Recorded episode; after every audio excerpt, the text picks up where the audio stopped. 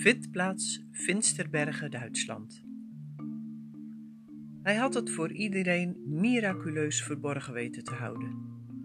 Hij was er zeer content over. Het geld, de leugens en de hoofdrol voor zijn Rotary-vriend, de chirurg, specialist in heupen en knieën.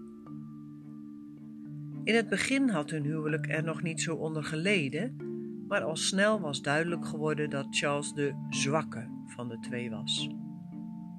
Als er iets fysieks moest gebeuren, werden er grapjes gemaakt. Zo, Charles, zet jij even de koffie terwijl wij de boel verhuizen? Angel was er steeds beter in geworden. Hij voelde zich in het bijzijn van zijn vrienden vaak het watje, maar de blikken van zijn vrouw Angel maakten hem razend.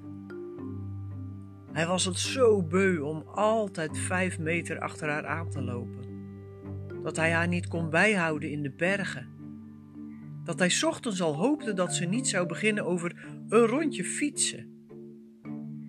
Hij had zijn vriend in vertrouwen genomen en gevraagd zijn knie onherstelbaar te beschadigen na een financiële meevaller. Wekenlang had hij pijn aan zijn knie gefaked en door zijn Rotary-connectie kon hij zogenaamd eerder op de behandellijst. Zijn vriend had het bedrag graag aangenomen en de operatie uitgevoerd. Zijn leven had een wending genomen die hij niet voor mogelijk had gehouden. Voor hem geen zware tochten, fietsvakanties, slapen in kleine tentjes, lange stadswandeling, zelfs autorijden was als hij wilde verleden tijd. Nu zat hij hier in zijn stoel met een goed boek en een bak koffie. Angel was een berg aan het beklimmen en zou enthousiast terugkomen en vertellen over haar dag. Ze zou hem liefdevol vragen hoe zijn dag was geweest. Ach, schat, zou hij antwoorden, als jij het maar naar je zin hebt. En hij had het niet verkeerd gezien.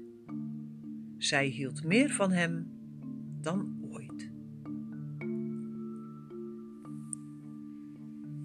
Leuk dat je hebt geluisterd naar mijn podcast Bananenschillen. Ik ben Helene de Winter en zet iedere week een nieuw verhaaltje online.